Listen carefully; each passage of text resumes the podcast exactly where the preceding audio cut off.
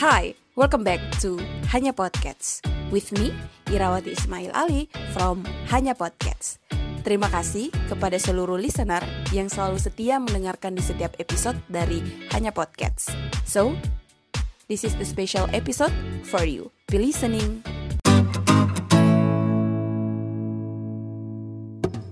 Tentang sahabat. Iya, judul cerita kita pada episode kali ini adalah sahabat yang sesungguhnya. Teman-teman listener pasti pada punya sahabat kan ya? Iya, uh, saya mau sedikit cerita nih. Kalau nggak salah ingat ya, saya tuh merasa punya sahabat sejak SD. Mungkin kelas 3 SD. Kelas 1-2 itu masih kayak ngerasa belum punya sahabat kali ya. Atau mungkin karena kelas 3 SD itu masa di mana saya sudah mengerti tentang oh ada nih maksudnya terma sahabat atau ada nih istilah yang disebut sahabat.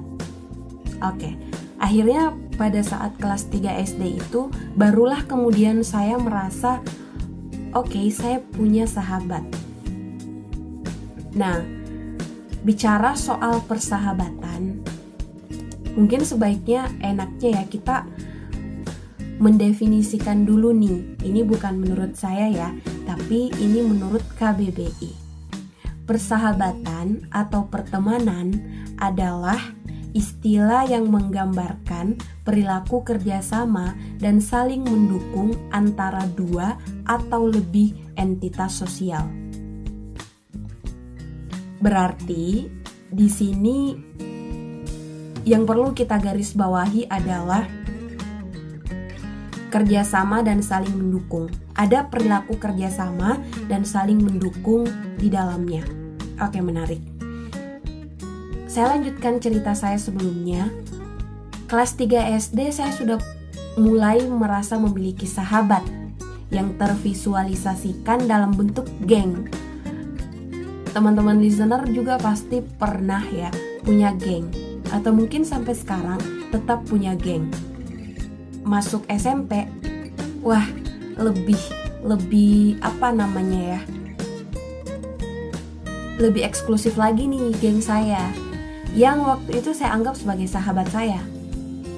Artinya ada dong ya perbedaan antara teman dan sahabat. Kalau menurut saya pribadi sih beda ya antara teman dan sahabat. Bedanya ada pada deep relationship asik deep relationship kedalaman kedalaman persahabatan kita atau kedalaman hubungan yang terjalin atau menurut definisi yang tadi itu kerjasama yang terjalin atau saling support yang ada di dalamnya itu sahabat lebih deep dibandingkan teman biasa. Nah, singkat cerita sampai ke SMA saya juga punya geng yang waktu itu juga tentu saya anggap sebagai sahabat saya. Tapi semakin ke sini, pada saat di perkuliahan, saya merasa bahwa makna sahabat yang saya pahami itu berbeda, atau secara substansi maknanya kemudian bergeser. Bergeser kenapa? Karena karena pada saat kuliah itu saya merasa bahwa sahabat saya itu adalah orang-orang yang tidak selalu berada di sisi saya.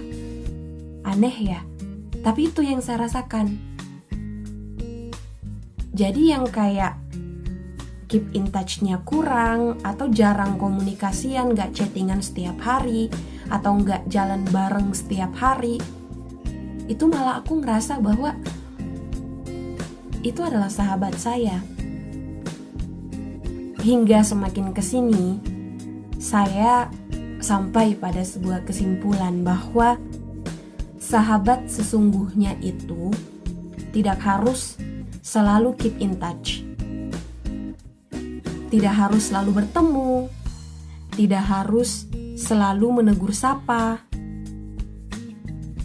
sahabat karena Allah atau sahabat sesungguhnya itu adalah di mana sahabat tersebut ada kesulitan, kita atau dia selalu ada untuk memberikan semangat dalam kebaikan. Sahabat itu bukan pada saat kita berpisah atau pada saat kita balik badan, sudah langsung menceritakan atau membicarakan kejelekan kita, atau kita yang mengaku sebagai sahabat sahabat kita itu baru berbalik badan kita udah menceritakan kejelekannya. Tetapi sahabat itu harus terus menutup aib saudaranya dan harus selalu menyayanginya. Itulah makna sahabat yang sesungguhnya karena Allah. Kemudian, sahabat sesungguhnya itu tidak rela jika sahabat tersebut tidak masuk surga bersama kita. Selalu mencari mencari cara supaya kita bersama-sama di surga. Ya, sahabat yang sesungguhnya itu, jika melihat sahabat lainnya bahagia, dia juga ikut bahagia, bukan hasad. Bukan hasad atau iri hati. Semoga ketika kalian mendengar podcast ini, kalian sudah menemukan sahabat kalian yang sesungguhnya, yaitu dia yang senantiasa selalu mengajakmu dalam kebaikan, yang selalu menasehatimu ketika kamu salah, dan punya visi dan misi persahabatan sampai ke surga.